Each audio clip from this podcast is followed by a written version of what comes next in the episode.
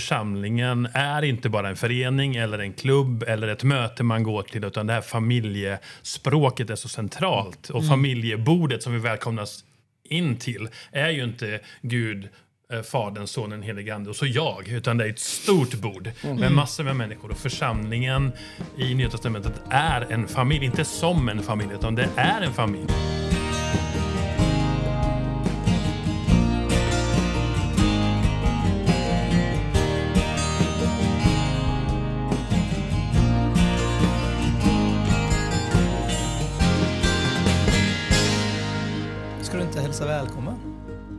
Du lyssnar till Evangeliet förändrar allt, en podcast från Rotad eh, med mig Joel Magnusson och som vanligt eh, vid min sida har jag mannen som är expert på att vika ihop en julakartong. Hör av er till podden om ni behöver hjälp, han är grym på det.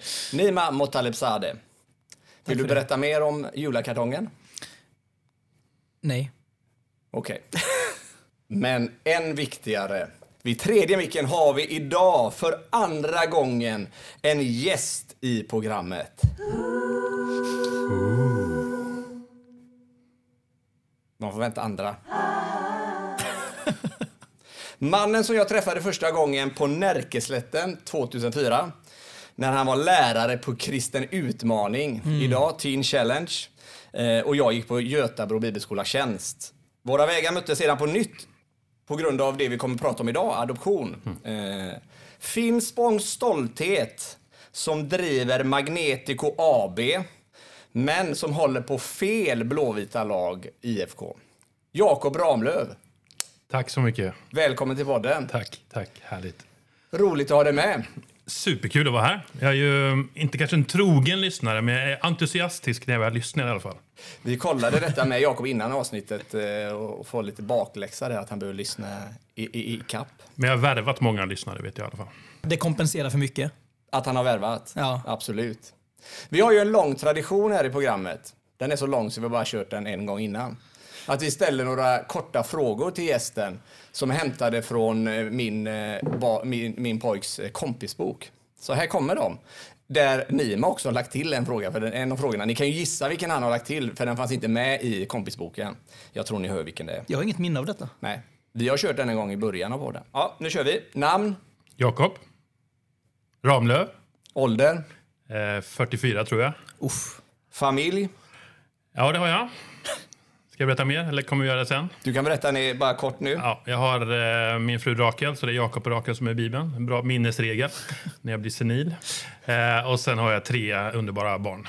Yes, vi kommer med till det sen. Jag blir glad av. Eh, pizza. Jag blir arg av. Eh, sallad, höll jag på. Är det pizzasalladen? ja, precis. Som för övrigt är en svensk uppfinning jag har fått reda på. Vi var i Danmark en gång och käkade pizza. Det fanns ingen pizzasallad. Italien dock. Där är det stort. Pizzasallad? ja, skojar men pizza menar du? Ja. Pizza, inte pizzasallad. Min favoritgodis. Eh, saltlakrits. Den bästa film jag sett. Jag vill säga Gudfadern. Ja, kom igen. Sa inte du den med en gång i tiden? Jo. En gång i tiden. Ett En gång i tiden, precis. Jag vet inte om det egentligen är det, men det är det man ska säga. Jo, jag vi säger inte på det är bra. Den är snäll så, mycket kramar. Ja. Vilken död person har påverkat mig mest? Jag höll på att säga Jesus, men eh, han lever ju. Så det Det ju sa jag. Gjorde Filip. det, det var jag som gjorde det tillägget. Just det. Eh, Typiskt. Ja... ja, jag kommer inte på någon Nej, riktigt nu. du kan flika in sen om du kommer på ja, någon. jag får göra det. Det gillar jag att göra på fritiden. Ehm, ja, men var ute i trädgården och påta, jag börjar bli gammal. Eh, men var i naturen i allmänhet. Kanske om, till och med ge mig ut på mountainbiken om det vill sig väl. Ah, hur länge har du cyklat mountainbike? Eh, ja, men det har väl gjort eh, väldigt lågintensivt under ganska många år. Så det blir inte så många turer per år, men jag tycker det är väldigt, väldigt kul. Både naturupplevelsen och lite action och lite välbehövlig motion. Ett land jag vill resa till. Ehm, ja, det finns många. Men eh, Taiwan har jag varit två gånger. Vi kommer prata om det idag. Dit vill jag väldigt gärna åka tillbaks. Till. Mm. Ja, fantastiskt land. Vi ska snart eh, gå in på dagens ämne, men först så ska jag göra lite eh, obligatoriska i kyrkan är ju att pålysa. 8-9 mars i Sankt Pauli i Göteborg så har vi utrustad 2024 Hjärtats tårar, trösten i Saltarens klagosalmer. Anmälan är öppen så det är bara att gå in. Ni kan läsa i avsnittsbeskrivningen. Så klicka er vidare där. Så anmäl er till Utrustad 2024. Sen vill vi också nämna igen världens bästa julklapp, Tid med Gud. Eh, dag för dag genom Bibeln, del 1 som vi har gett ut nu på Rotad, som är en fantastisk hjälp för bibelläsningen.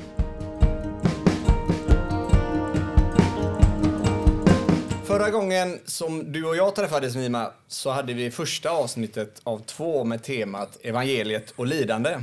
Och idag kommer inte del två just på det eh, ämnet. Däremot så hakar ju dagens ämne i eh, lidande på ett sätt. Eh, för vi kommer prata om evangeliet och adoption och då menar jag att det hakar i är ju att och vi ska prata om det. Det är inte så att det alltid går via barnlöshet till adoption, men många gånger så gör det det och vi kommer ju beröra det eh, delvis idag. Och adoption är en av många lösningar på lidande i världen.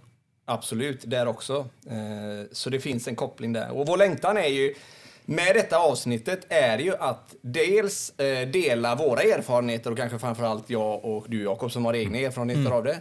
Eh, både kring barnlöshet och kring adoption och kring att ta, hand om de faderlösa som Bibeln uppmanar oss till. Men också dela hur tätt kopplat det är till Bibelns budskap, till evangeliet. Alltså det går liksom inte att skilja åt. Och det tror jag att vi har båda de erfarenheterna att det springer ur evangeliet en längtan att adoptera och ta hand om de faderlösa. Vi kan ju börja att berätta lite kort hur våra familjer ser ut och hur barnen har kommit till oss. Jag tänker du kan börja, Jakob, där. Absolut. Yes. Uh, nej, men som sagt, jag är gift med Rakel och vi har tre barn. Uh, de är 7, 8 och eh, 13. Uh, så Alicia äldst, Theodor i mitten och så Adele som är yngst. Och uh, Alicia fick vi när hon var ett år gammal och Theo och Adele kom till oss eh, 2016 eh, och då var Theodor ett och ett halvt och Adele åtta månader. Okay. Så ni hämtade dem helt enkelt i två omgångar? Yes, två omgångar. Så först Alicia och sen eh, eh Theodor och Adele samtidigt. Mm. Just det. Okay. Mm. Och eh, mina och Evelinas barn eh, ser ut som enligt följande. Sion är 12 år, eh, Eden är 8 år och så har vi vår yngsta tjej som är placerad på LVU, så hennes namn får jag inte säga, men hon är 4 år. Så hon är, kom till oss när hon var 4 månader på eh, familjehemsplacering. Och LVU är ju alltså lagen om vård för unga. Och det är en viss sekretess kring det, så därför så mm. kan jag inte berätta mer.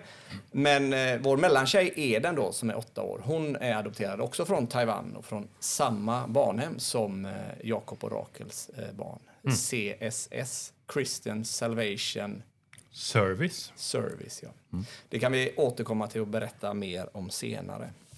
Men om vi då går mer in på varför vi berör detta ämne, varför vi tycker det är viktigt att tala om evangeliet och adoption och framförallt hur det springer liksom ur Guds ord, uppmaningen att ta hand om de faderlösa. För vi har ju det gång på gång genom Bibeln. Vi kan liksom det, det räcker att söka på de faderlösa på liksom någon bibelapp så mm. ser du många, mm. många uppmaningar i Gamla Testamentet till Guds folk att ta hand om den faderlöse. Och ofta så är det också änkan därefter. Och det mm. kommer ju även i, i Nya Testamentet. Jag ser att du har Jakob framför dig, eh, Nima. Du kan ju läsa en av texterna i Jakob 1 till 27 där uppmaningen Precis. kommer igen. Och vi, kan, vi kan läsa redan från vers eh, 26. Eh, om någon menar sig tjäna Gud men inte tygla sin tunga utan bedra sitt hjärta, då är hans gudstjänst ingenting värt. Men att ta hand om föräldralösa barn och änkor i deras nöd och hålla sig obesmittad av världen, det är en gudstjänst som är ren och fläckfri inför Gud och Fadern. Så att ta hand om föräldralösa barn är en gudstjänst inför Gud. Det är någonting som djupt behagar Gud. Och enligt aposteln Jakob går det hand i hand med att hålla sig obesmittad av världen. Jag tror vi väldigt sällan tänker i de termerna när vi talar om renhet, helgelse, helighet och så vidare. Men, men, men här finns... Eh, Hur skulle du säga att det går hand i hand med eh, renhet? Alltså om du mer utförligt beskriver det. Jag, jag, jag skulle säga att samma ande som vi tar emot när eh, vi föds på nytt. Eh, adoptionens ande som, som han faktiskt kallas i, eh, i Romarbrevets åttonde kapitel producerar både renhet och helighet och en längtan efter att hålla sig obesmittad från världen. Och parallellt producerar han i våra hjärtan barmhärtighet och en längtan efter att, liksom Gud har gjort med oss, omfamna och ta oss an eh, de som är brustna, de, de som är eh, fattiga och behövande. Vad är din erfarenhet av det, Jakob? Och liksom kopplat till evangeliet och adoption. Eh, vad har du för tankar kring det? Eh, nej men det är ju en väldigt tydlig koppling eh, som, som evangeliet gör eh, mellan den eh, liksom, adoption som, som vi får uppleva i Kristus, mm. som handlar om någonting mycket större än att vi bara får våra synder förlåtna eller vårt eh, liksom, eh, dåliga CV blir liksom rivet i tu och skuldebrevet och vi, vi står där oskyldiga. Och, och, inte heller bara att vi får hans rättfärdighet utan vi får, vi får barnaskapet. Vi får, mm. vi får bli söner, söner och döttrar, eller söner som det mest talas om utifrån att det är så adoptionen gick till på den tiden oftast. Mm. Uh, och att vi får uppleva en ny relation med Gud um, som, som handlar om att vi, vi har blivit hans barn på riktigt. Vi var inte det, men vi har blivit det. Mm. Um, mm. Och, det och det tänker jag, jag tänker på ett bibelord som jag nämnde för er innan vi började spela in i första Johannes 3 och 1 när liksom Johannes vill förundras över vilken, själ, vilken kärlek, vilken kärlek Gud har skänkt oss, så säger han det. Se vilken kärlek Fadern har skänkt oss, att vi får kallas Guds barn. Och det är vi också. Alltså, se, se undret i att vi får kallas Guds barn, att vi blir adopterade som Guds egna barn. Mm. Se storheten i det. Jag tänker också på Efesebrevets eh, första kapitel där det står att han har utvalt oss i honom före världens skapelse till att vara heliga och fläckfria inför honom från vers 4. Ja. I kärlek har han förutbestämt oss till barnaskap mm. hos honom genom Jesus Kristus efter sin goda viljas beslut. Till ära och pris för den nåd som han har skänkt oss i den älskade. Och vi, vi vet ju i Fesebrevet så talas det sen om att vi, vi är döda i våra synder. Mm. Det fanns ett, ett då där vi var långt borta från Gud. Uh, men det finns ett nu där vi har fått blivit eh, upptagna som hans barn genom adoption. just. Mm. Jag tänker på det vi talade om här tidigare, uh, och när jag säger tidigare menar jag innan vi började spela in, om J.I. Packers bok Lär känna Gud som ju Rotad har gett ut. En av de böcker som har påverkat mig mer än någon annan bok jag någonsin har läst. Knowing God på engelska. Och hans kapitel om just adoption och barnaskap i mitten av boken så finns det ett citat som du har med dig här, eh, Jakob. På engelska står det “Adoption is the highest privilege of the gospel. The traitor is forgiven, brought in for supper and given the family name. To be right with God the judge is a great thing, but to be loved and cared for by God the Father is greater.” Och han för ett resonemang om att... Kan du översätta det för de som inte kan engelska? Absolut. Adoption är det högsta privilegiet som evangeliet ger oss. Förrädaren blir förlåten han blir intagen till middagsbordet. Han ges familjenamnet. Att ha det rätt ställt med Gud, domaren, är någonting stort eller underbart. Men att bli älskad och omhändertagen av Gud Fadern är långt större. Och, och Packer för ett resonemang om detta i sin bok om att Medan rättfärdiggörelse, som du och jag Joel har talat ganska mycket om, eh, särskilt i avsnitten, eh, den första och det andra avsnittet när vi talar om evangeliet, Medan rättfärdiggörelse, att få det juridiskt rättställt med Gud, är evangeliets liksom direkta ärende eller primära ärende därför att vi står skyldiga, så är det högsta privilegiet, det djupaste ärendet barnaskap. Inte bara en ny position, men en ny relation. Mm. Vi, får det inte, vi blir inte bara frikända i domstolen, utan vi förs in till familjebordet, till middagsbordet. Vi blir söner, med, vi blir medarvingar till Jesus Kristus. Och att Paulus tar upp det här är också en koppling till ett fenomen som skedde i kulturen vid den här tiden där mm man i romarriket om man var en, en mäktig eh, man eller, eller familj eller eh, så, men att man inte hade några barn själv så, så kunde man eh, då ta sig an en, en son. Ofta var det en vuxen, en, en, man, en vuxen man som man sen adopterade och, och, och gjorde till sitt barn och som också fick ärva och, och, fick föra det här namnet vidare. Och det, Paulus plockar upp det här liksom, språkbruket och det här, eh, det här fenomenet och, och pekar på att det är faktiskt en, någonting som pekar på evangelium. Mm. Lyssnaren kan eh, läsa eh, Romarbrevet 8, vers 9 till och med 17 och meditera över orden som står där som i allra högsta grad handlar om Guds barn och adoptionen i Kristus. Eh, kan vi inte läsa åtminstone några av de avslutande verserna i den texten i Romarbrevet 8? Vi kan läsa vers 14 till 17. Eh, mm. Alla som drivs av Guds ande är Guds barn. Ni har inte fått slaveriets ande så att ni på nytt måste leva i fruktan. Nej, ni har fått barnaskapets ande, eller mer bokstavligt adoptionens ande. Och i honom ropar vi Abba, far. Anden själv vittnar med vår ande att vi är Guds barn. Och är vi Guds barn så är vi också arvingar, Guds arvingar och Kristi medarvingar. Lika visst som vi lider med honom för att också förhärligas med honom, det vill säga med Kristus. Vi har fått barnaskapets ande, eller adoptionens ande. Mm. Det är något oerhört, något oerhört fantastiskt och stort. Att, mm. Som vi hörde här, vi blir välkomnade in i middagsbordet. Vi blir inte bara frikända, mm. utan vi får en helt ny status. Vi mm. är Guds älskade barn. Och jag tror, eh, ett problem i detta är ju att, att vi kanske tänker många gånger att vi är vana, eh, idag tror jag, att tala om att alla människor är Guds barn. Och i en bemärkelse så är ju alla människor Guds barn, att de är skapade av honom. Mm. Men genom synden så är vi också Romarbrevet 5 och eh, nio. Vi är fiender och, och på fler ställen. Mm. Eh, om, och just att då, då ser man inte den storheten kanske. Mm. Att vi får kallas Guds barn. För då tänker man att det är självklart. Men mm. förstår man den position vi hade innan mm. Mm. så blir ju också positionen efter. Och det är som du, jag vet inte vem av er som var inne på det, att vi får liksom familjenamnet. Vi är hans.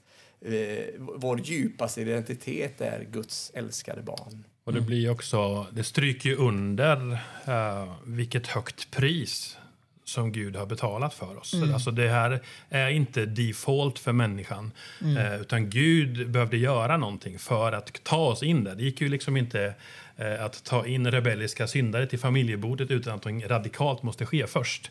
Och det är det som korset och, och försoningen handlar om. och då att säga då att alla alla skulle vara Guds barn i den här liksom specifika bemärkelsen är ju att förminska korsets betydelse. Ja.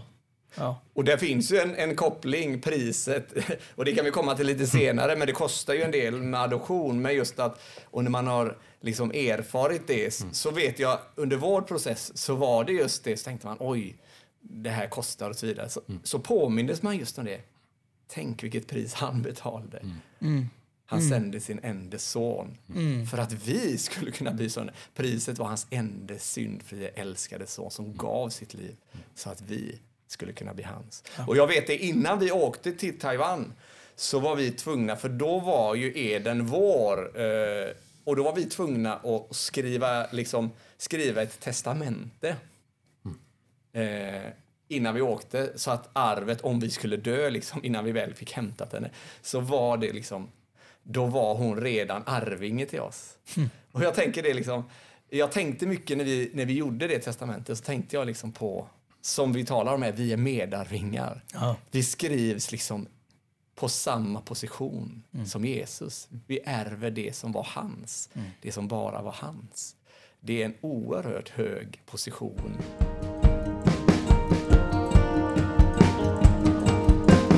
Gång på gång i Bibeln så kan vi läsa om att de faderlösa ligger på Guds hjärtan och han uppmanar sitt folk, de som följer honom, att ta hand om de faderlösa. Vi har sett att Jakob nämner det som en ren gudstjänst, sa vi va? Alltså det är en självklar följd av pånyttfödelsen och att vi har blivit adopterade, att vi sträcker ut och gör samma sak. Men då blir ju följdfrågan, och här ställer jag den till dig Jakob. Är det då allas uppgift, alla troendes uppgift att Alltså konkret adoptera barn från Taiwan eller från ett annat land. Nej, korta svaret. Ehm, däremot finns ju en princip där under som handlar just om att vi är eh, skyldiga och har privilegiet att följa Jesus och att, att eh, lyda Guds ord i att eh, men faktiskt se till dem som är utsatta på olika sätt och inte minst ja, men föräldralösa barn. Och det kan man göra på massa olika sätt. Um, så även om inte alla ska adoptera så kan man leva ut den principen och bör göra det. Tänker jag. Och då tänker jag, hade du ett tillägg där? Ja, men jag, tänkte, jag tänkte att det, det, går ju att dra någon form av parallell till missionsbefallningen att med, medan inte alla är kallade att faktiskt flytta till ett annat land och vara missionär bland onådda så är alla fortfarande kallade till missionsbefallningen på något sätt. Och om du inte blir utskickad så ska du vara med och skicka ut, du ska vara med och stötta, du ska vara med och ge eh, support i form av bön och ekonom, eh, ekonomiskt och så vidare och så vidare och så vidare. Eh, och samtidigt, så, precis som med mission, så kanske vi behöver tänka eh, att det är fler mm. som är kallade än den, de som faktiskt går. Mm. Det betyder inte att alla är kallade till exakt samma sak, men det kan vara så att det är fler än de som faktiskt flyttar som är kallade till det. Du, jag hör undertonen är helt enkelt att du tänker att fler är kallade till att adoptera. Det rent konkret. Det tror jag. Mm. Och inte bara barnlösa då? Inte bara barnlösa. Nej, och, jag, och jag tänker ju att kallelsen är också till Guds folk, till Guds familj, till församlingsfamiljen. Och där kan ju man på olika sätt ta hand om de faderlösa. Mm. Jag tänker bara en sån, eh, det kan ju vara rent konkret adoption, men det kan ju också vara det finns ensamstående mammor som inte har en mormor, morfar, eh, farmor, farfar i närheten kanske. Mm. Det blir extra, eller för, extra föräldrar och så vidare. Så det finns ju många sätt. Eller som, som, som eh, i vårt fall, alltså att ta emot barn via familjehemsplacering. Ja. är också ett annat sätt. Alltså, hon, vi har inte adopterat den här tjejen. Hon är ju fortfarande inte liksom rent juridiskt vår, även om hon har bott hos oss och kommer att vara kvar. Mm. Så det finns ju många olika sätt att göra det. Och jag, tänk, Nej, jag, kör. Nej, men jag tänker på en sak till när vi pratar om det här med familjebegreppet och, och eh, församlingen som en familj och att vi adopterade så tänker jag att det är så viktigt också, inte bara utifrån liksom adoptions perspektivet där vi som individer är adopterade in i ens familj och att vi ska leva ut det här genom att själva adoptera eller på annat sätt eh, sträcka oss ut till de utsatta. Men just att församlingen är inte bara en förening eller en klubb eller ett möte man går till utan det här familjespråket är så centralt och mm. familjebordet som vi välkomnas in till är ju inte Gud Fadern, Sonen, Helige Ande och så jag. Utan det är ett stort bord med mm. massor med människor. Och församlingen i Nya Testamentet är en familj. Inte som en familj, utan det är en familj. Mm. Gud är vår far, men, men ni är också mina bröder. Och det mm. önskar jag att vi skulle få, få se och uppleva mer av i Sverige, i våra församlingar. Att, att det inte blir ett sånt glapp mellan språket i Nya Testamentet, där församlingen är en familj, och hur det faktiskt ser ut i våra församlingar. Och där kanske man behöver luckra upp även, liksom, även om vi har biologiska barn, alltså de här gränserna. Alltså vi, vi har ett gemensamt ansvar i alla delar. Mycket mer än vad vi har. Vi är väldigt, liksom, lever familj för familj och uppdelade. Eh, för jag tänker, om vi nu har en lyssnare som funderar kring adoption och funderar kring detta. Din uppmaning var ju, Nima, och jag skulle stämma in i det, jag tror att fler eh, har den kallelsen. Men vad, Jakob, vad skulle du säga, den som sitter och funderar, detta kanske är detta kanske är min uppgift. Absolut. Eh, nej men det, det, finns ju också något kulturellt fenomen där man ser eh, Brangelina adoptera och Carola adoptera. Och liksom, det finns någon, någon eh, hype kring det. Jag vet inte om den består fortfarande. Men, men, eh, så, så att det är lätt att man liksom kan tycka att det verkar ju vara en häftig grej att göra. Liksom. Men här har vi en djupare motivation. Och jag tror att det är viktigt att, att man bearbetar de här frågorna ordentligt innan man faktiskt går, går in i det. Det finns ju inbyggt i själva systemet också eh, när man väl påbörjar en adoptionsprocess. Vi kommer kanske in på det. Här, men, men eh, ja, det är en ganska lång resa innan man blir godkänd som en, eh, en familj som kan få adoptera. Eh, men jag tänker att det finns mycket man kan göra innan man, man liksom börjar eh, i den processen. Och det, det kan ju vara som, som du pratar om där, eh, familjehem. Det är ju inget litet åtagande det heller. Eh, men det kan ju vara lite mer tillfälligt. Eh, men det finns ju också att man kan vara kontaktfamilj. Det finns ju otroliga behov um, i, i, våra kommuner där, där man verkligen uh, har ja, men ungdomar och, och, barn som behöver någonstans att vara. Kanske någon helg eller varannan helg eller några kvällar då och då. Eh, Så sånt där kan man ju undersöka och sen tänker jag att man kan... Alltså öppna, öppna i ditt hem helt enkelt. Ja, men precis. Ehm, och även i hemmet, men även göra andra saker med, med barn som behöver vuxna i sina liv och som inte har det på samma sätt.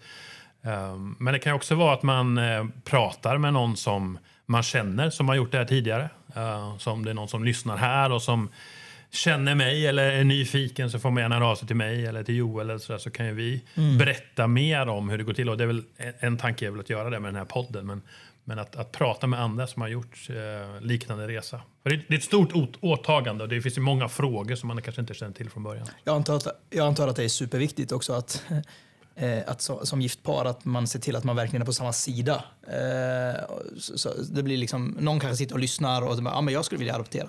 Jag, jag har alltid velat adoptera. I 15 år har jag tänkt att när jag, när jag blir vuxen så skulle jag vilja adoptera. Men, men, men någonstans förutsätter det att jag har min hustru med på det och att det inte är liksom att man släpar den andra i äktenskapet på detta. Att, jo, men jag är övertygad om att Gud har kallat... Det är återigen som mission. Jag är övertygad om att Gud har kallat oss till detta. Haka på, lita på mig. Eh, och sen så är man på olika sidor, så jag tänker att det kanske inte blir så bra. Och sen, det tror jag verkligen att man, att i samtalet och sen så skulle jag vilja backa ytterligare ett steg och så för, för mig, och jag tror att det var samma för er, för vi har pratat lite om det innan, så var det sprunget ur, jag kan säga helt ärligt, jag hade aldrig tänkt adoption. Bara något år innan vi bestämde oss för det så var, hade jag nog knappt tänkt det också. Men det var i samband med att Gud öppnade mina ögon för evangeliet som det också väcktes en längtan. Eh, och där skulle jag säga att det är så viktigt till de som funderar. Börja där, för jag hade tänkt eh, man liksom adoptera, det borde man göra. Eller eh, ta emot barn genom familjehem, jourplacering eller kontaktfamilj. Jag borde göra det. Men jag känner inte att jag vill det. Och då ska jag säga, då kanske du inte är rätt person. Men har du längtan och framförallt grunda den längtan i vad Gud har gjort för oss. För så, då blev det på ett helt annat sätt. För mig i alla fall. Då väcktes en längtan till att göra det utifrån kraften att han har gjort det med mig. Att älska så som han har älskat oss. Och ibland så, så säger människor så, åh ni, till, till oss för att vi har gjort de här, den här resan, att åh ni är så fantastiska eh, för att ni har tagit emot barn. Och, och, och, och jag vill ju vända på det och säga att Gud är fantastisk som kan väcka en längtan efter något man inte hade tänkt. Eh, så att det blir, jag, jag skulle aldrig byta ut vår väg till att få barn eh, mot den vägen jag hade en gång när vi gifte oss. Jag är så tacksam och framförallt tacksam till Gud att han väckte en längtan efter det som var hans plan.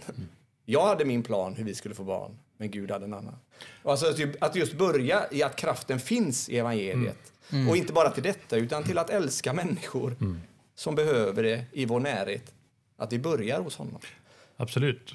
Och där skulle jag ju önska att jag hade kunde säga att det var samma för oss. Och det var det inte riktigt. Utan det, för oss så var det mer att det började i barnlösheten. Och sen så i den här resan som vi gjorde så då började jag tänka mer aktivt på de här frågorna. Och vi började bearbeta det tillsammans. Och, eh, och upptäcka eh, kopplingarna till evangeliet. Och då blev vi ännu mer stärkta i vår övertygelse. Och, och, och liksom, det här gav oss kraft när vi när det var tufft, vilket det var många gånger. Så att, Det kan ju se lite olika ut, men, men jag hade ju önskat att jag hade eh, haft eh, en, en starkare förankring i evangeliet för vårt beslut från början. Eh, och det är väl lite det som den här podden handlar om, att vi vill, vi vill dela med oss av det till, till andra som kanske är i lite liknande situation.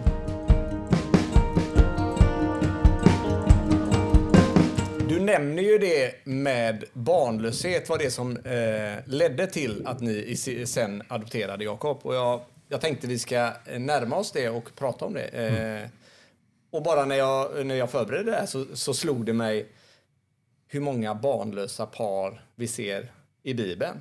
Hur var det för dig eh, Orakel, och Rakel i denna processen? Och, Ja, för oss så vi ville ha barn. Eh, vi hade kanske ingen brådska i, i, början, men naturligt för oss att vi, att vi ville ha barn. Ehm, och eh, livet pågick och det kom inga barn. Um, och i, I början så var ju det kanske ingen jättestor fråga, men ju längre tiden gick så, så blev det ju mer och mer frågor kring det och funderingar och, och sådär. Var är vi nu i ett, hur många år sedan snackar vi, vilket år? Eh, ja, vi gifte oss 2002. Eh, så att det var ju några år efter där. Okej. Ehm, och ehm, vi, ehm, ja, men vi, vi hann inte göra så väldigt mycket liksom, konkret åt att utreda det eller fundera på alternativ innan ehm, eh, ja, men saker och ting kompli- komplicerades ytterligare av att jag, jag blev väldigt sjuk. Ehm, jag ehm, eh, ja, men fick uh, lymfkörtelcancer, Hodgkins lymfom.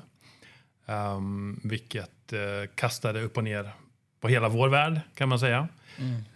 Um, och det gjorde ju sen med de cellgiftsbehandlingar som jag fick att, ja, men, att det inte var fysiskt möjligt att få, få barn uh, längre på naturlig väg. Eller på det Svensson-sättet. Sa läkarna det till dig innan de här processerna började med cellgiftsbehandlingen? Ja. Att eh, det här kommer bli en konsekvens av detta? Absolut. Så, ehm, inte så mycket skarpladdade skott efter det kan man säga. Just det.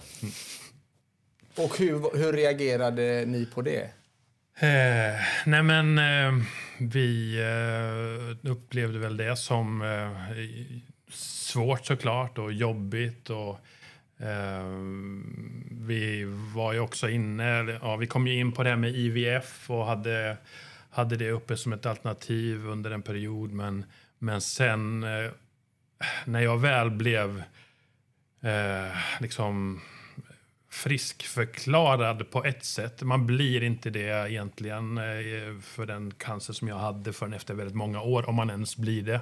Nu vet jag inte hur man gör det, men, men det var ändå så där att eh, när, eh, när jag hade avslutat mina behandlingar och mådde bra och alla, alla tumörer som jag hade i min överkropp var helt borta. Det fanns inget spår kvar alls. Tack och lov för det. Eh, väldigt tacksam varje gång jag berättar det här så påminns man om den resan som vi faktiskt har gjort som var otroligt jobbig såklart, men som vi ändå inte vill vara utan så här idag när vi har sett hur Gud har varit trofast och Gud var otroligt nära under den perioden. Och gav så mycket tröst och, och kraft och så.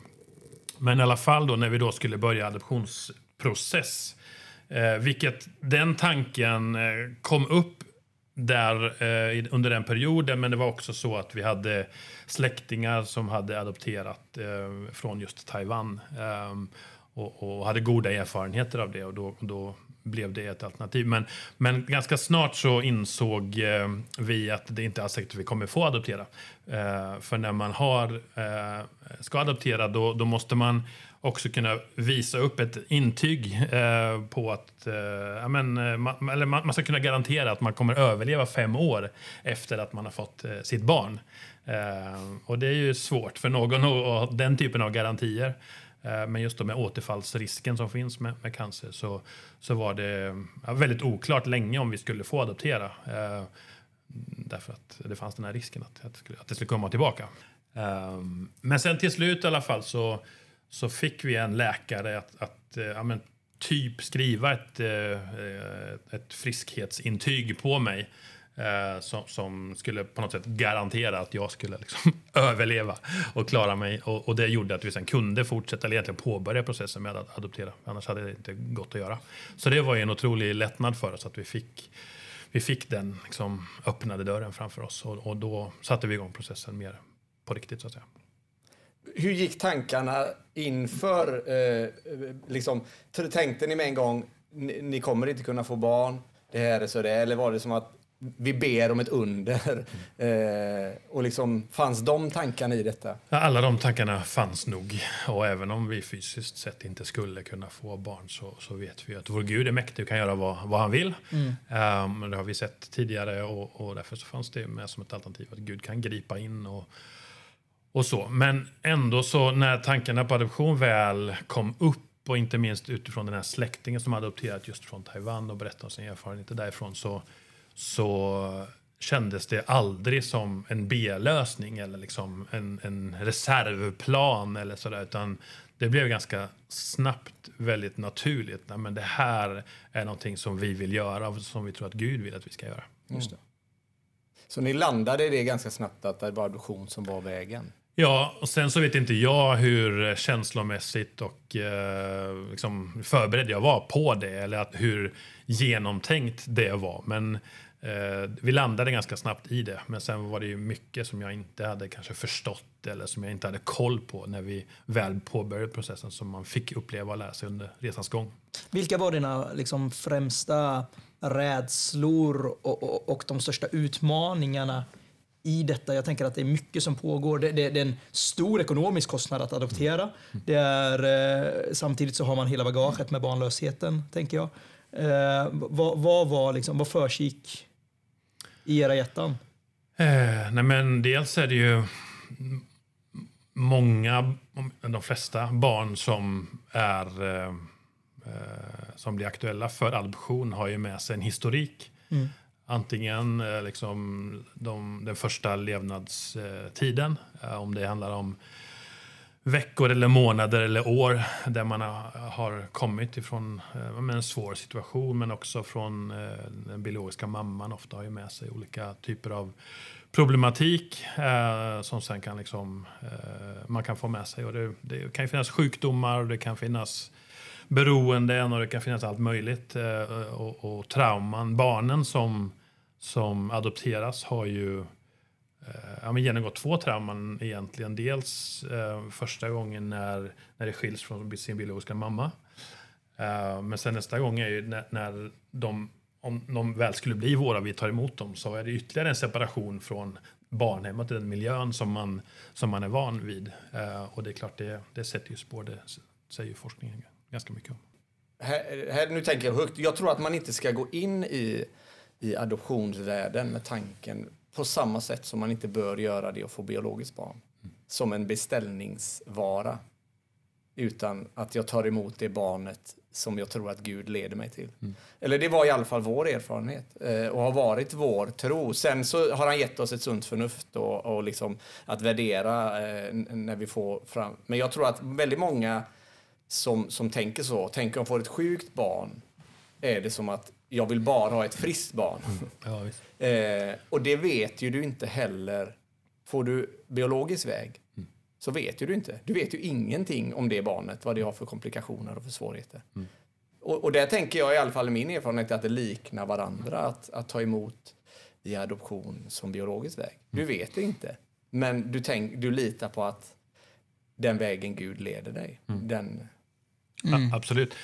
Sen är det så konstigt också, adoptionsprocessen är så annorlunda. Det är så mycket formulär man ska kryssa i. Av det, här, det här kan vi tänka oss och inte det här och åldrar och länder och, och olika eh, fysiska och psykiska åkommor. Det, det, är en väldigt märklig liksom, process att sitta med papper och kryssa och ha sig.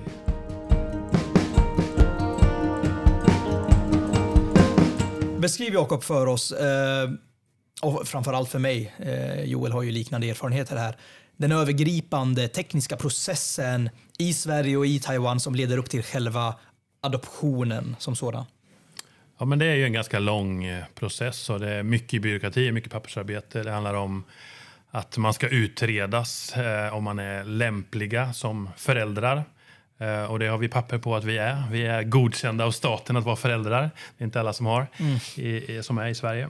Um, och det är uh, men en utredning av Eh, min och Rakels relation, eh, en utredning om eh, liksom, vad har vi för socialt nätverk som vi finns inom, yttre familj och så vidare. Fanns det frågor kring ert engagemang. Du var ju församlingsplanterare också. Det kanske var lite senare i och för sig. Men, men, men vad är liksom, fanns det frågor kring er kristna tro och så vidare, er bekännelse? Eh, nej, det berördes inte så mycket mer än att vi nämner det som liksom någonting positivt i vår sociala gemenskap. Men det är en lång och komplicerad process som sagt och det är både eh, här i Sverige men också i, i Taiwan så är det en domstolsprocess som pågår där eh, parallellt. Um, så ja, det är mycket, mycket papper och mycket väntan och, och, och, och, så i den här processen. Många stämplar som ska genomföras Exakt. och dokument som ska godkännas. Jag försöker eh, dra mig till minnes, men från, jag tror att från att vi beslutade oss för att börja till att vi väl åkte till Taiwan ett, nästan två år tror jag. det tog. Jag, jag, jag, vet inte om du kan minnas om så att det är ju, och det första steget är väl att man går en utbildning via liksom vuxen, vad heter det? Och samtidigt så går man en, en, en utredning och sen så tar man kontakt med en, en adoptionsbyrå som sköter adoptionerna då till det landet. Eh, jag vill fråga dig där lite hur ni hamnade just på barnhemmet CSS i Taiwan. För under den tiden så hade du och jag ingen kontakt, alltså när vi väl bestämde oss, för då hade ni redan adopterat. Eh, för vår del var ju det så att vi bestämde oss för att adoptera, det var det vi bestämde oss. Och sen tänker vi att Gud får leda oss till landet. Och det gjorde han faktiskt. Att jag på olika sätt hamnade just på Barnens vänner, som den adoptionsbyrån hette. Och de hade en, en kristen, eh, ett kristen organisation som hette CSS då, som hade ett barnhem där de skötte adoption. Och det gjorde att det liksom, när jag läste om hur de arbetade så fångades jag liksom av deras visioner och kände bara, det här är ju det vi längtar efter. För de beskrev liksom adoptionen som vi har gjort i det här avsnittet.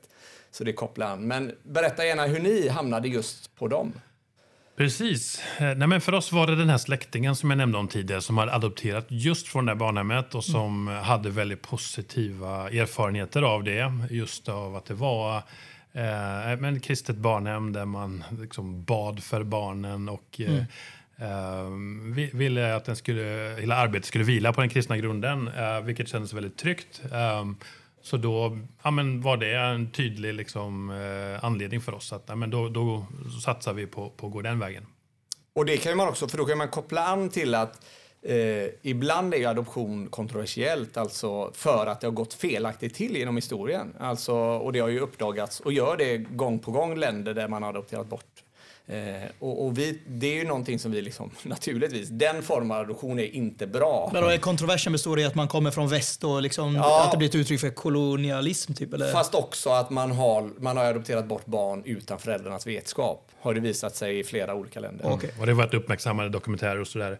Och därför är det ju bra att man gör den här rigorösa utredningen både i Sverige och i, i, i adoptionslandet. Men låt oss nu då närma oss eh, resan till Taiwan när ni väl åkte dit. Och vad hände där de första dagarna? Hur snabbt gick det tills ni fick, eh, då vill jag ta första eh, barnet? Ja men precis, vi har gjort två resor. Det, man kan säga också här, det har varit en otroligt lång väntan också på alla de här stämplarna och papperna hit och dit som var väldigt, väldigt tärande och med en, en Svensson eh, liksom, eh, födsel så vet man ju att barnet kommer ut en viss tid. Men med, med adoption så, så det, kan man vänta hur länge som helst känns det som. Mm. Så fick jag bara säga till min arbetsgivare och våra arbetsgivare att vi, vi behöver åka någon gång. Vi vet inte exakt när det är. Och där hade vi bra hjälp från våra arbetsgivare. Men till slut i alla fall fick vi samtalet att nu, nu är det dags att åka och då um, nu kan det vara att jag blandar ihop de här resorna som vi varit två gånger. Sådär. Men, men det var ju inom eh, tio dagar tror jag det var som vi skulle åka till, till Taiwan eh, för, att, eh, för att träffa Alicia. Och då är man där några veckor när man väl är där? Ja, det kan ju också vara olika. Eh, första gången tror jag det var två veckor som vi var där, när vi hämtade Alicia. Ja.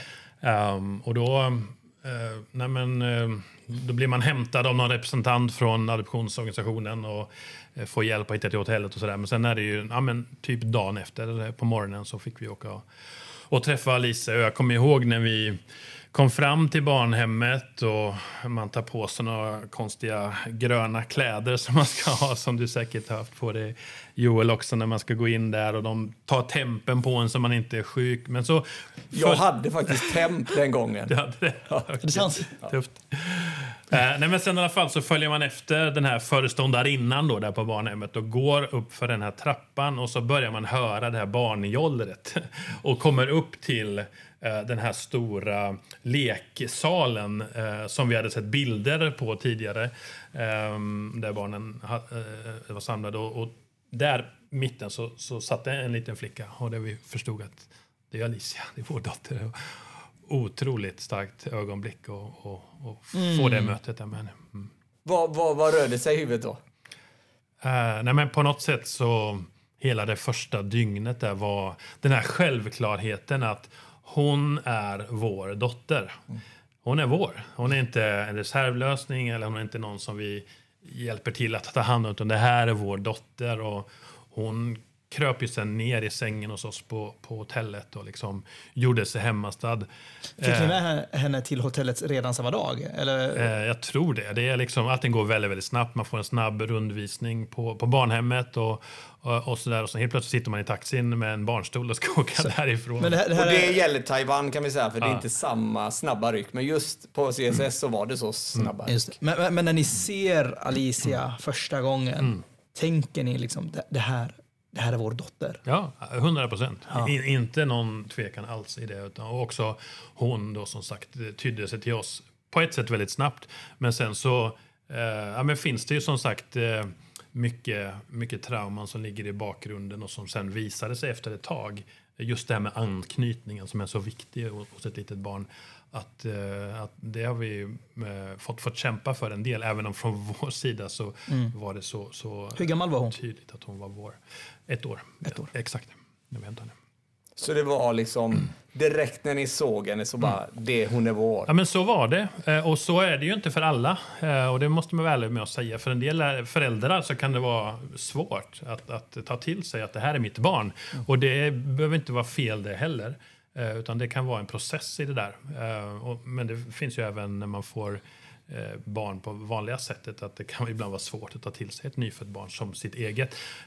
Men, men eh, för oss så, så var, det, var det verkligen så. Och där var det, både för mig och min fru, var det lite annorlunda än när vi fick första beskedet, när vi bara, alltså några månader tidigare, eh, den här tjejen eh, ska ni få ta emot. Då var det som, som ultraljudet för oss eftersom vi har eh, fått en biologisk väg. Ja. Hon är vår. Ja. De kan säga vad som helst om henne. Hon är vår.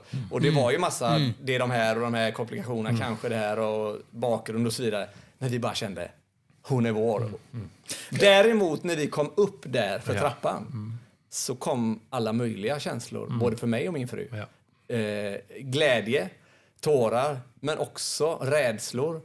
Eh, och en, en, en människa som sitter där som också är främmande för oss. Eh, Eden var dagen innan hennes ettårsdag. Vi hade nåden att hämta henne dagen innan.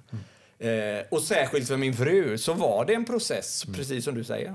Alltså där det inte gick direkt, utan det fick växa fram. Och det tror jag man också liksom, eh, är viktigt att nämna. Som du säger, att så är ju det även för människor som får eh, biologiskt. Att eh, det är inte alltid det kommer direkt.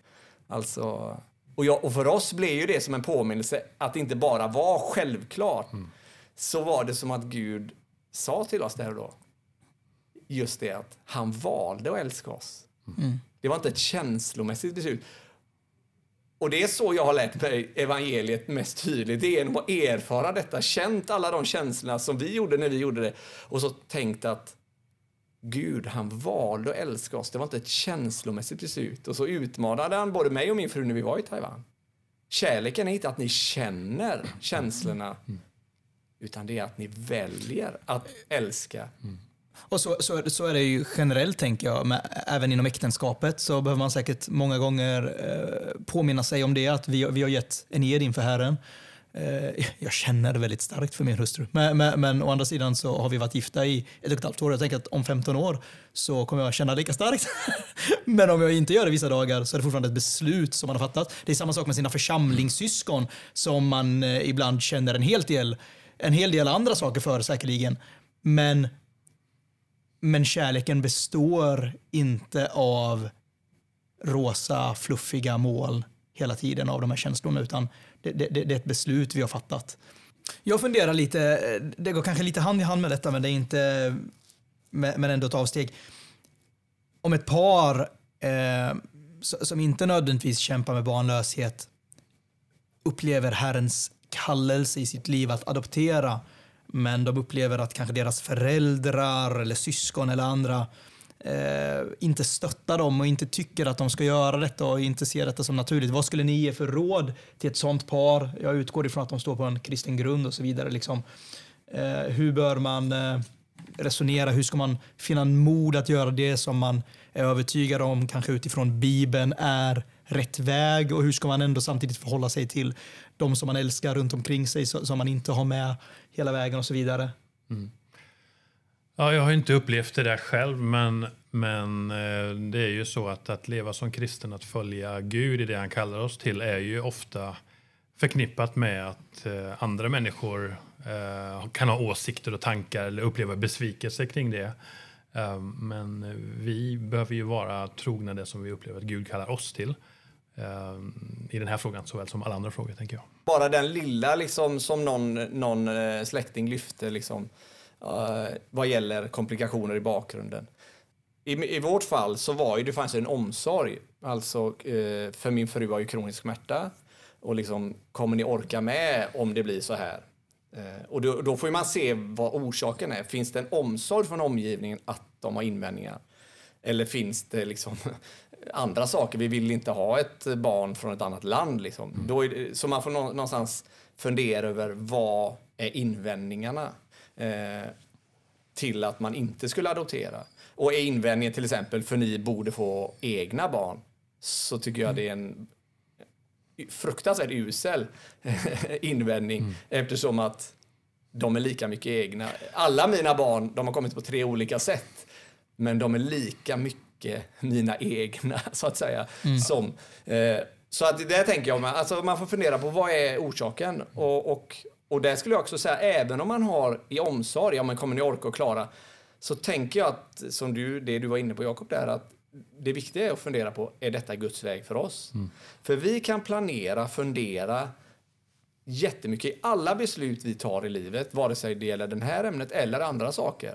Men vi har inte helhetsperspektivet. Men om Gud har det, så vet han.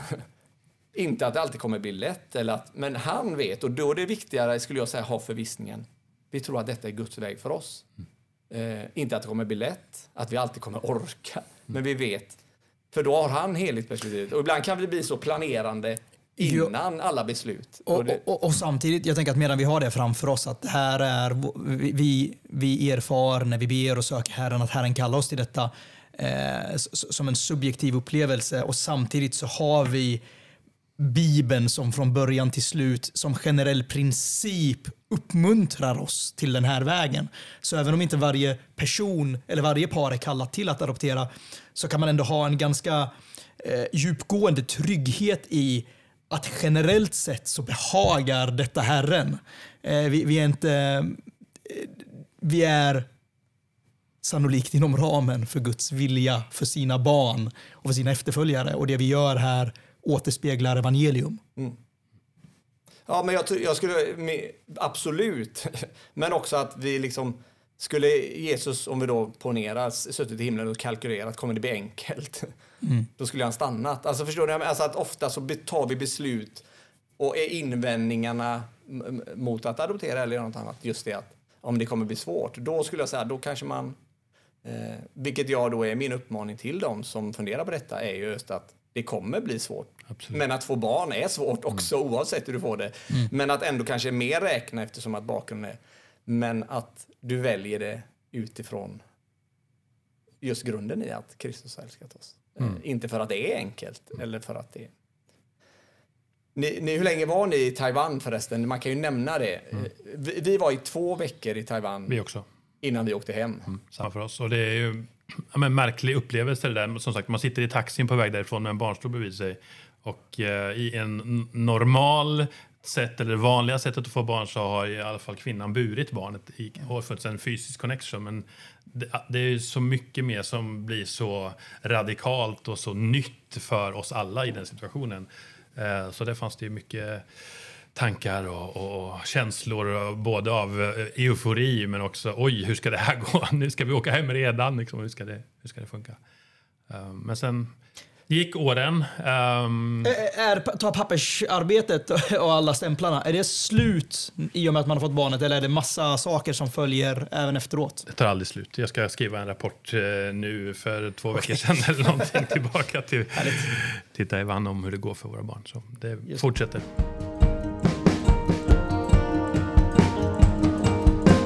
Dina, eller era andra barn, Jakob, Tio och Adele, eh, hur var fortsättningen på berättelsen där med att också de kom till er? Eller ni till dem? Ja, precis. Eh, men det var en väldigt oväntad händelse för oss. Eh, vi hade fullt upp med våra liv, jag och Rakel, eh, med våra heltidsjobb. Ehm, vi hade Alicia som behövde mycket, mycket stöd från oss på olika sätt. Ehm, och vi hade nyligen startat en församling Um, och eh, det var liksom, vi, vi, levde vår dröm på ett sätt. Uh, och sen uh, när jag stod på Arlanda uh, och skulle boarda ett plan och flyga till New York med jobbet så fick jag ett samtal. Um, och då var det adoptionsorganisationen som Eh, jag undrade varför ringer de? Har jag inte skickat in min rapport eller vad är, vad är frågan om? Eh, och då berättade de om att eh, samma kvinna som hade fött Alicia nu hade fött en, en pojke. Ehm, och ehm, då frågade hon oss om vi skulle kunna tänka oss att ta emot honom i, i vår familj. Och det var verkligen som en blixt från en klar himmel för oss. fanns inte på kartan att det skulle kunna hända, utan vi var nöjda, vi var tacksamma över livet som det såg ut.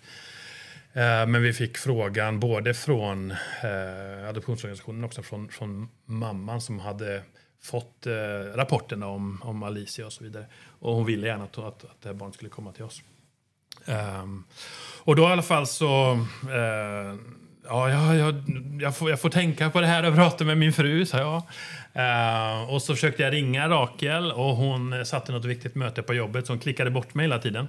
Och då visste jag att jag skulle sätta mig på planet och åka hela vägen till New York och inte kunna prata med henne. På den tiden kunde man inte ringa, det kan man kanske inte fortfarande. Men, men så jag var ju så här, jag måste få tag i henne nu. Uh, men jag ringde och ringde och hon klickade bort mig hela tiden. Uh, och, um, så jag, jag, fick inte tag på henne. Eh, men sen då när jag väl landade i New York eh, så ringde jag henne och berättade och hon, ja, hon höll ju på att ramla, ramla ihop eh, av chock kan man väl säga. Och där kände vi direkt att ja, vi vill det här. Det här var inte alls vad vi hade tänkt, vad vi hade planerat. Och vi vet inte hur det, våra liv kommer förändras efter det här. Um, och vad kommer hända med församlingsplanteringen? Och så, för det är fortfarande ganska tidigt skede. Vi hade inte tillräckligt liksom, stabilitet kanske i, i kärnan och sådär. Uh, men vi valde att gå vidare i processen och inte långt därefter fick vi frågan om att ta emot ytterligare ett barn som var på väg i magen. Då, Innan ni hade åkt till? Ja. Uh, från samma biologiska mamma så fanns det ytterligare ett barn. Och kom det som en lika klar chock eller var det bara... Ja, men då var, var det, bara, ja, men nu bara fortsätter det komma? ja, precis. Hur många gånger till blir det? exakt, exakt. Uh, nej, men på ett sätt så var det också lika, lika självklart uh, där. Uh, så det gjorde ju sen att man kunde processa både Theodors och Adels adoption eh, gemensamt på ett snabbare sätt. Eh, lite grann. Hur lång tid tog det mellan att ni fick reda på första och andra, eller andra och tredje? Jag kommer faktiskt inte ihåg, men det var inte så väldigt lång tid. Några veckor? Liksom. Ja, kanske. Jag kommer inte ihåg riktigt. Men, ähm, är inte det här ett, ett, tydligt bevis på att vi har våra planer när Gud har sin plan? det kan man alltså, säga. Ibland så tänker vi så. Mm. Eh, att saker inte händer lägligt, men mm. sällan gör ju de det. Mm. Men Gud, de händer i Guds timing och Guds tanke och så, så leder han oss och öppnar och stänger dörrar. Absolut, och för oss blev det väldigt omvälvande. Det, dels att vi fick två barn eh, och, och, till. Eh, så när vi åkte dit till slut så vi var tre, tre på vägen dit och sen fem på vägen hem i, i planet. Så det var en väldigt påtaglig förändring. Um, men också men vad, vad, vad mycket liksom det, våra liv fick förändras efter det och vi fick anpassa allt efter de här nya barnen som hade kommit. Och ett av besluten var att vi fick bestämma att vi kunde inte fortsätta med församlingsplanteringen. Det, den drömmen fick dö där, uh, för vi upplevde att Gud ville att vi skulle ta emot de här barnen. Var det någonting ni visste direkt eller var det någonting som ni märkte? Nej, vi märkte det efterhand. Vi försökte anpassa uh, hur, hur, vi arbetar med församlingen och, och, och och så efter de nya förutsättningarna. Men, men vi insåg ganska snart att det inte det kommer inte bära sig för det var lite för tunt eh, när det gäller ledarskap och liksom en, en kärna där i, i, i det vi stod i. Eh, så där har vi, ja men, så här i efterhand, eh, ja, men otroligt tuff process att ge upp allt det där och drömmarna och människorna och allt det här. Och de har hittat nya sammanhang de flesta och så där. Så att, men, men ändå någonting som, som vi drömde om och levde i som vi fick ge upp. Och, och men nu... Vad var känslan? Ja, det, var det? Jätte, det var självklart på ett sätt, men det var jättetufft. Uh, och har varit tufft. Och en, liksom en, en process av att, uh, att bearbeta allt det där. Uh, men vi ser ju att när vi gav upp någonting så blir det som du så ofta blir det Guds rike, att, att det får, får bära frukt och, och bli någonting gott av det som är mycket större och bättre och, och än vad vi hade kunnat tänka. Men som, som du säger, våra planer är inte de planer som Gud har för oss. Är inte det lite slående just att för jag menar, du var på väg till New York, du hade inte dina tankar, du hade mm. dina planer med, med, med församlingsplanteringen. Mm. Och är vi för liksom, genomtänkt att vi ska veta allt som kommer hända, ja. så ta, skulle vi inte ens våga gå utanför dörren, höll jag på att säga. Nej. Men vi får lita till att Gud har kollen. Och han hade kollen mm. på, på, på församlingsplanteringen mm. i familj. Och det betyder inte att resan var lätt. Nej, verkligen. Och att det var liksom friktionsfritt. Mm. Men men jag antar att han har lärt det något enormt om sig själv, om sin kärlek och om evangeliets sanningar genom denna smärtan och svårighet. Ja men absolut. Det har varit en resa av att eh, ja, men böja sig under Guds eh, vilja och plan och, och se att han, han har allt i sin hand och han, han leder på ett sätt som är mycket bättre än vad vi kan göra. Och, och mm, också att nej men det finns olika faser. Det har varit väldigt speciellt. Alltså, jag var så fullt upptagen av att leda och predika och liksom, eh, jobba med församlingsplanteringen till att helt plötsligt bara, inom citationstecken, men att fokusera på familjen och barnen. Och, så det var liksom en total om, om omvälvning av allting som, som jag levde i och drömde av. Men, om, men, men samtidigt så har jag fått se hur, hur, hur, gott det har varit och hur mycket god frukt det har burit och hur tacksamma vi är för familjen vi har fått. Och, eh, den väg som han har haft för oss, även om det inte var den som vi hade tänkt från början kanske. Kände du så mitt liksom i stormen och kampen? Eller vad tänkte du då? Nej, men på något sätt intellektuellt så visste jag det och i, i djupet av mitt hjärta så ja, men jag litar på Gud. Jag hade ju på olika sätt eh, men upptäckt mer och mer av just den här trösten som finns i att Gud är suverän och att Gud har allt i sin hand och han vet bättre än vad vi vet. Och han inte bara vet bättre utan vill bättre. Han är god och älskar oss och har den bästa, mm. den bästa mm. vägen för oss. Mm. Eh, så det visste jag ju, men det var inte alltid jag kände så. Eh, men nu så här i efterhand så kan jag se hur allting det här har samverkat till, till det bästa för, för, för honom och för hans rike och för, för mitt goda och för oss som familj. Om jag hade gått tillbaka till 2002 när ni gifte er så menar jag det. Då hade, jag tänker att den här planen hade inte du. Nej men verkligen. Barnlösheten, cancern, adoption av Alicia och sen Theodor och Adel och församlingsplanteringen som sen fick dö. Och eh, nu har vi hittat en annan underbar församling som vi trivs jättebra i. Men, men allt det här, eh, nej det hade vi inte planerat själva. Och det är det jag tänker är tryggheten mm. just. Han har planen. Och det, och, och det är tryggheten för oss där vi sitter nu med det som vi tycker är hopplöst, svårt, utmaningar. Och, och, det talade vi om förra gången. Det är så Gud leder oss. Mm. vi vill bli... Vi vill, tror att Gud ska ge oss kraften så att vi blir oberoende av honom. Han leder oss i svårigheter och utmaningar så vi inser att vi är kraftlösa och därför måste leva i ständigt beroende av honom. Mm. Och då är tryggheten, som du säger, känslomässigt känner vi det inte alltid, men vi vet. Mm. Han leder och han, han, han har lett och han kommer leda och då är det fantastiskt att få se det mm. Och det är, så lätt, det är så lätt tror jag att ha ett världsligt perspektiv på det här också, på vad som är att tjäna Gud eh, eller inte. Men det här är ju, eh, nej men som vi pratade om tidigare, en, en, eh, en gudstjänst som är ren inför Gud, att ta mm. sig an de här barnen. Och det, det var ju en process att se att det här är precis lika mycket att tjäna Gud av hela mitt hjärta som jag gjorde som ledare i församlingsplantering. Att, att, ta hand om de här barnen som Gud har sänt till oss. Det finns någonting eh, radikalt eh, och vackert i, i, i, konstaterandet av att där vi började den här eh, historien egentligen med väldigt grov cancer i din kropp. Och jag, jag kan bara föreställa mig tankarna som gick igenom ditt och Rakels huvud under den perioden. Mm. Vad kommer hända i framtiden? Finns det någon framtid ja, på den här jorden? Och, och sen så nu Eh, ett par decennier senare så konstaterar vi att ni adopterade tre barn efter det. Mm. Mm. så inte nog med att det inte slutade med död, fysisk död, det vill säga. Det ledde till liv mm. och, och, och, och, glädje för tre barn som, som, vem vet vad som hade hänt om de inte hade kommit till mm. er familj och till Sverige och så vidare. Eh, så, så, så, Guds, jag, jag, tänker att lika mycket som detta handlar om adoption är detta, eh, för att knyta an också till vårt senaste avsnitt Joel, en berättelse om Guds visa, goda suveränitet. Mm. Eh, i Och det är våra min, liv. Precis, det är min erfarenhet som jag tror jag sa tidigare. Alltså, jag upplever ju berättelsen om vår väg till, till att få barn på olika sätt är berättelsen om Gud. snarare. Och, och, som du säger, Guds suveränitet, Guds godhet i allt han gör, även när vi inte ser det i situationen. Eh, och, och, och det jag tänker på är ju det du också knyter an till där är ju det viktiga var församlingsplantering, eller alltså man kan tänka det, det var pastor och sen så är det mindre.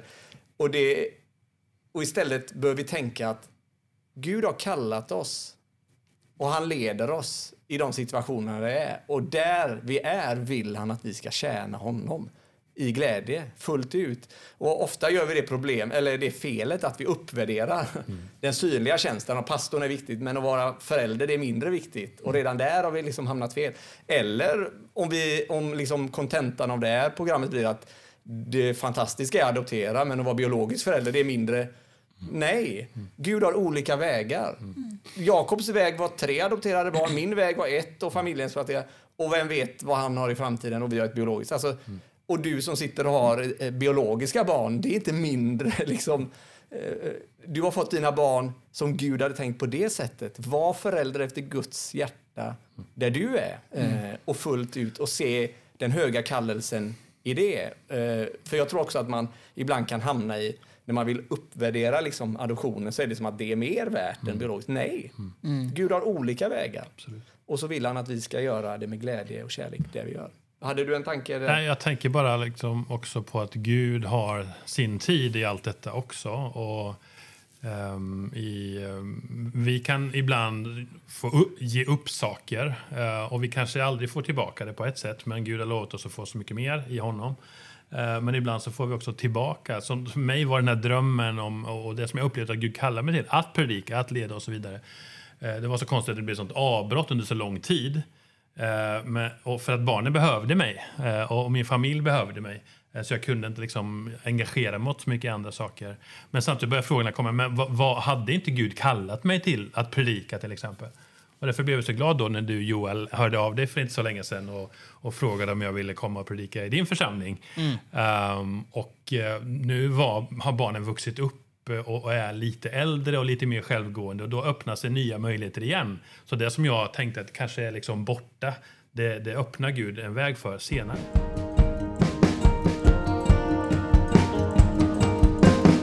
Vad skulle du säga är de största lärdomarna? Om vi, det är ju en jättefråga, men i hela den här processen. Eh, mm. Nej, men det är ju att Gud är trofast. Uh, han har varit med. Det har varit mycket som har varit väldigt svårt och det finns trauma i, uh, i, i eh, situationen när man blir adopterad och kommer in i en, ny- en ny familj. Och det finns också när barnen växer upp. De tänker inte kanske i början på att de är annorlunda ut till utseendet mot oss. Eh, för vi är mamma och pappa. Liksom. Men när de börjar skolan och eh, kompisarna börjar fråga, "Vad, din- det är inte din pappa, han ser inte ut som din pappa. Liksom. Ehm, så, så det kommer svårigheter, det kommer liksom saker man får bearbeta under vägen. Ehm, men att Gud, han är trofast i det och han är med och hjälper oss i det. Och jag tror att när Gud kallar oss till att ta oss an föräldralösa barn eller vad det är nu för svårt som han kallar oss till så, så finns det alltid den här nåden som han har förberett och som finns där för oss, för den uppgiften som han eh, leder oss in i. Eh, och det tycker jag att vi, vi kan se. Det är liksom, nu går vi in i, i tonårstiden och det är nya utmaningar och sådär och ny, ny situation.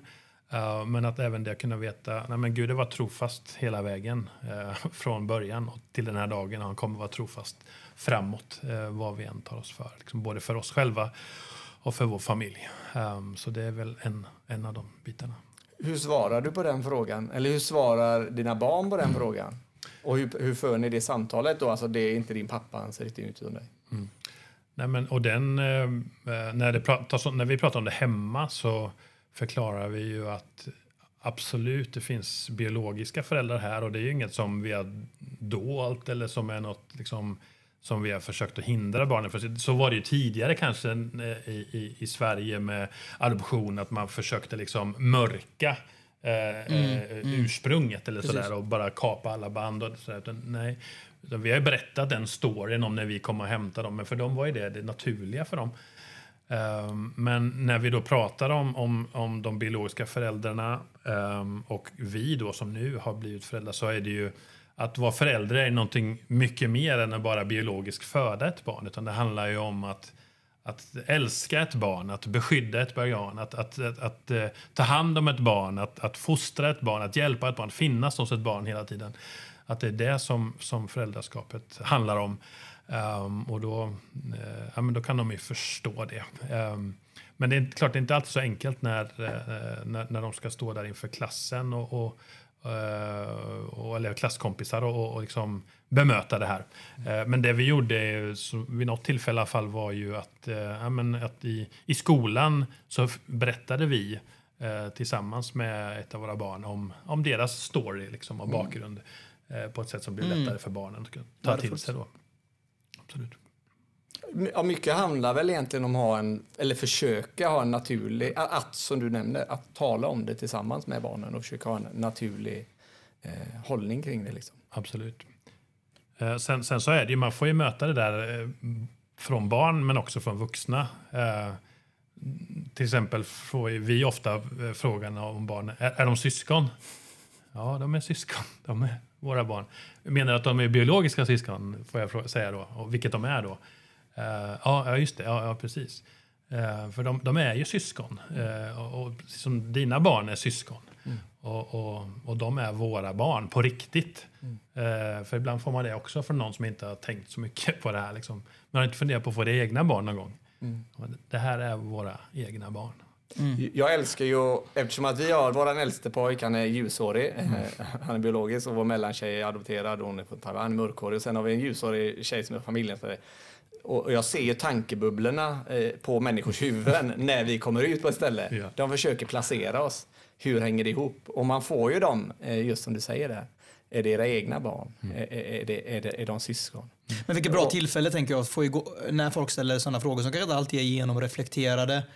Eh, dels att komma ihåg eh, tankarna man själv brottades med i de här processerna men, men också vilket tillfälle att få dela evangeliet, jag på att säga. Alltså, att, att faktiskt låta det bli ett tillfälle att tala om adoption och hur adoption pekar mot någonting större.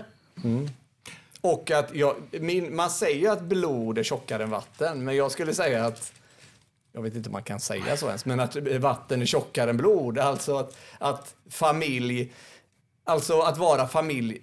Jag har fått, eh, jag brukar skoja och säga det att eh, eh, jag har fått barn naturlig väg via BB, alltså magen. Vi har varit och hämtat i, i Taiwan och vi har fått även hemleverans, ska jag säga. För det var nämligen så att barn, våran yngsta, kom hem till oss. Mm, Det är på många sätt helt olika sätt att få dem. Ja. Och, på många, och på ännu mer sätt precis samma sak. Men det förändrar inte deras status som era barn. Nej, de är våra. Ja. Att jag skickade till en kompis eh, eh, första kortet när vi hade fått vår yngsta tjej. Så skickade jag eh, en bild på det. När vi hade våra tre barn så skrev jag nu är varken jude, grek, slav eller fri, man eller kvinna. Alla är ni ett i Kristus. För jag, jag- jag, ser på mina barn och tänker på det ibland. Vi är Guds barn för att han har gjort oss till det. Han har sagt det till oss, att vi är hans barn. Och vi är olika från olika nationer, men vi är hans barn därför att han har gjort oss till det. Och vi är syskon, inte för att, alltså i Guds familj, församlingsfamilj. För att vi är det biologiskt. Ja, och jag tänker att man blir, alltså, på samma sätt som eh, du blir, du- vi tre har blivit kristna på olika sätt. Vi har blivit Guds barn på olika sätt. Vi har olika vägar, men vi har exakt samma status. Statusen är identisk eh, oavsett hur vägen till den statusen eh, såg ut. Och jag tänker det, in, det knyter an också till det som du inledde med Joel från första Johannes 3 och 1. Se vilken kärlek Fadern har skänkt oss att vi får kallas Guds barn. Och så kommer det. Och det är vi också. Ja, vi inte bara kallas det, det är inte bara en status, utan vi är Ja. hans barn. Ja. Och de adopterade barnen, de, de är våra barn. Jag tänker att innan vi avslutar så, så eh, är det viktigt att säga någonting eh, som har med adoption och församling att göra, eller generellt. Jag har eh, länge önskat att man skulle tala mer om detta i församling. i den lokala församlingen. Eh, det känns så stort på något sätt att tala om, liksom idealistiskt att tala om en kultur av adoption och så vidare. Men någonstans så tänker jag ändå att det finns olika sätt man kan stötta adoption på även om man inte själv adopterar. Och som vi talade om i början av avsnittet, det kan vara så att Herren faktiskt kallar fler unga par eller äldre par, vad vet jag, att be över detta, fasta och faktiskt göra det. Men även om vi inte upplever att detta är Guds väg för mig eh, så tänker jag att det finns andra sätt att stötta detta, den här processen på. Jag tänker bara spontant, återigen för att göra en parallell till mission. Vi är alla kallade att ge ekonomiskt eh, till mission. Jag tänker att om det finns en familj i den lokala församlingen som är i en process av att adoptera, att välsigna den familjen. Nu har vi inte pratat så mycket om kostnader och så, mm. men, men, vi vet att det kostar väldigt mycket pengar. Mm. Eh, hela den här processen. Barnet kostar ingenting naturligtvis, men, men, men hela processen med mm. adoption är dyr. Mm. Eh, jag tänker att det, det, är ett ypperligt tillfälle för bröder och systrar i den lokala församlingen att vara med och stötta ett par som ska adoptera. Vad, vad, vad, vad, vad tänker ni om det? Nej, men det är ju så. Det kostar tyvärr väldigt mycket pengar med all administration och domstolsbeslut och processer både i, ofta här i, i Sverige och i, i landet man adopterar ifrån. Och, och, ekonomin är ju en av de här sakerna som man utreder innan man eh, får godkänt att kunna adoptera.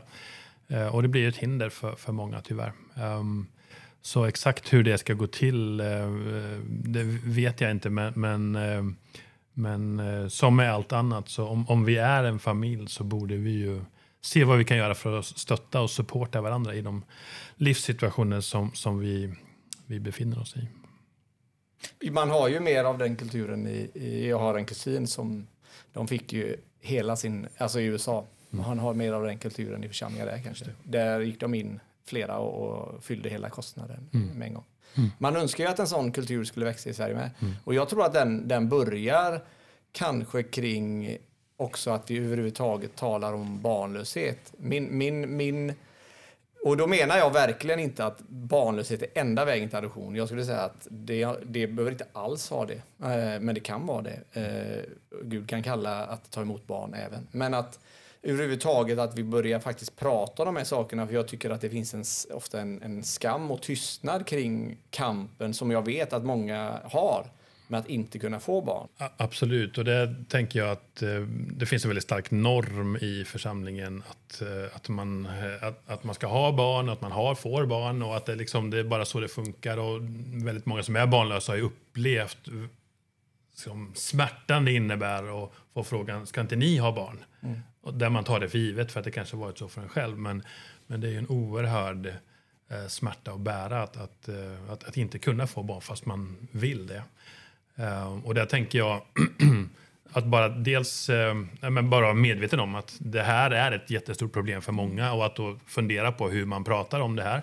Och sen tänker jag överlag, ehm, det var en konferens med Sam Alberry som för inte så länge sedan eh, om, just eh, vikten av det här med att ja, skapa en evangeliekultur, en kultur där, där det är enkelt att, att öppna upp och prata om svåra saker. Um, där uh, vi inte väjer för de svåra frågorna oavsett om det handlar, handlar om sexualitet eller barnlöshet eller vad det nu kan vara. Utan att vi i församlingen fostrar och odlar ett klimat av att vi vågar dela med oss av våra uh, djupaste sorger och, och det som smärtar oss mest för att kunna möta varandra och låta Guds nåd komma in i det. Eh, ska vi runda av med det? Jag tänker att vi kan eh, runda av med en uppmaning till lyssnarna att om de går i funderingar kring detta så skulle jag, min tydliga uppmaning var att, att fundera tillsammans med andra. Mm. Pröva tanken med andra, dela tanken med andra om du vill, vad det än innebär om du rent konkret vill ta emot ett barn så, så, så dela, som du nämnde tror jag förut, att, att höra av dig till Jakob, höra av dig till mig.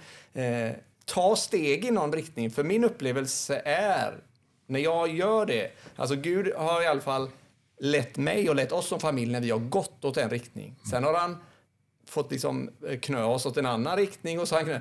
Men det är när vi går. Och där skulle jag uppmana till den som funderar kring detta. Att ta steg i någon riktning. Eh, Och lita på att om detta är Guds kallelse för dig så kommer han förse dig med glädjen och kärleken att göra det. Och be honom göra det. Vi tackar eh, Jakob för att du gästade vårt eh, avsnitt den här gången. Tackar för att komma. Kul. Och Jättekul att ha dig. tack så mycket.